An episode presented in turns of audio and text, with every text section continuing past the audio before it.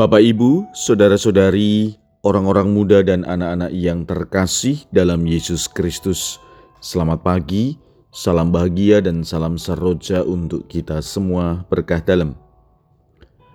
Bersama dengan saya, Romo Antonius Garbito Pambuaji, menyampaikan salam dan berkat Allah yang Maha Kuasa dalam nama Bapa dan Putra dan Roh Kudus. Amin. Hari ini Senin 31 Oktober dalam hari biasa pekan biasa ke-31. Bacaan pertama dalam liturgi hari ini diambil dari surat Rasul Paulus kepada jemaat di Filipi bab 2 ayat 1 sampai dengan 4. Bacaan Injil diambil dari Injil Lukas bab 14 ayat 12 sampai dengan 14. Yesus bersabda kepada orang Farisi yang mengundang dia makan, Bila engkau mengadakan perjamuan siang atau malam, janganlah mengundang sahabat-sahabatmu, saudara-saudaramu, kaum keluargamu, atau tetangga-tetanggamu yang kaya, karena mereka akan membalasnya dengan mengundang engkau pula, dan dengan demikian engkau mendapat balasnya. Tetapi bila engkau mengadakan perjamuan, undanglah orang-orang miskin, cacat, lumpuh, dan buta maka engkau akan berbahagia karena mereka tidak mempunyai apa-apa untuk membalas engkau. Sebab engkau akan mendapat balasnya pada hari kebangkitan orang-orang benar. Demikianlah sabda Tuhan. Terpujilah Kristus. Yesus mengajak kita untuk berpikir secara berbeda.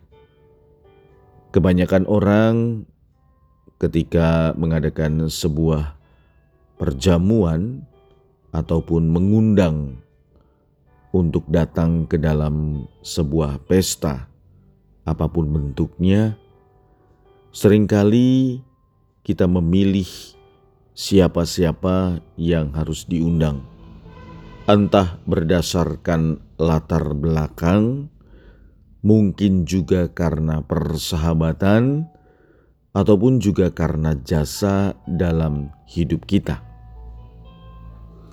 Tetapi Yesus mengajak kita sekali lagi berpikir secara berbeda.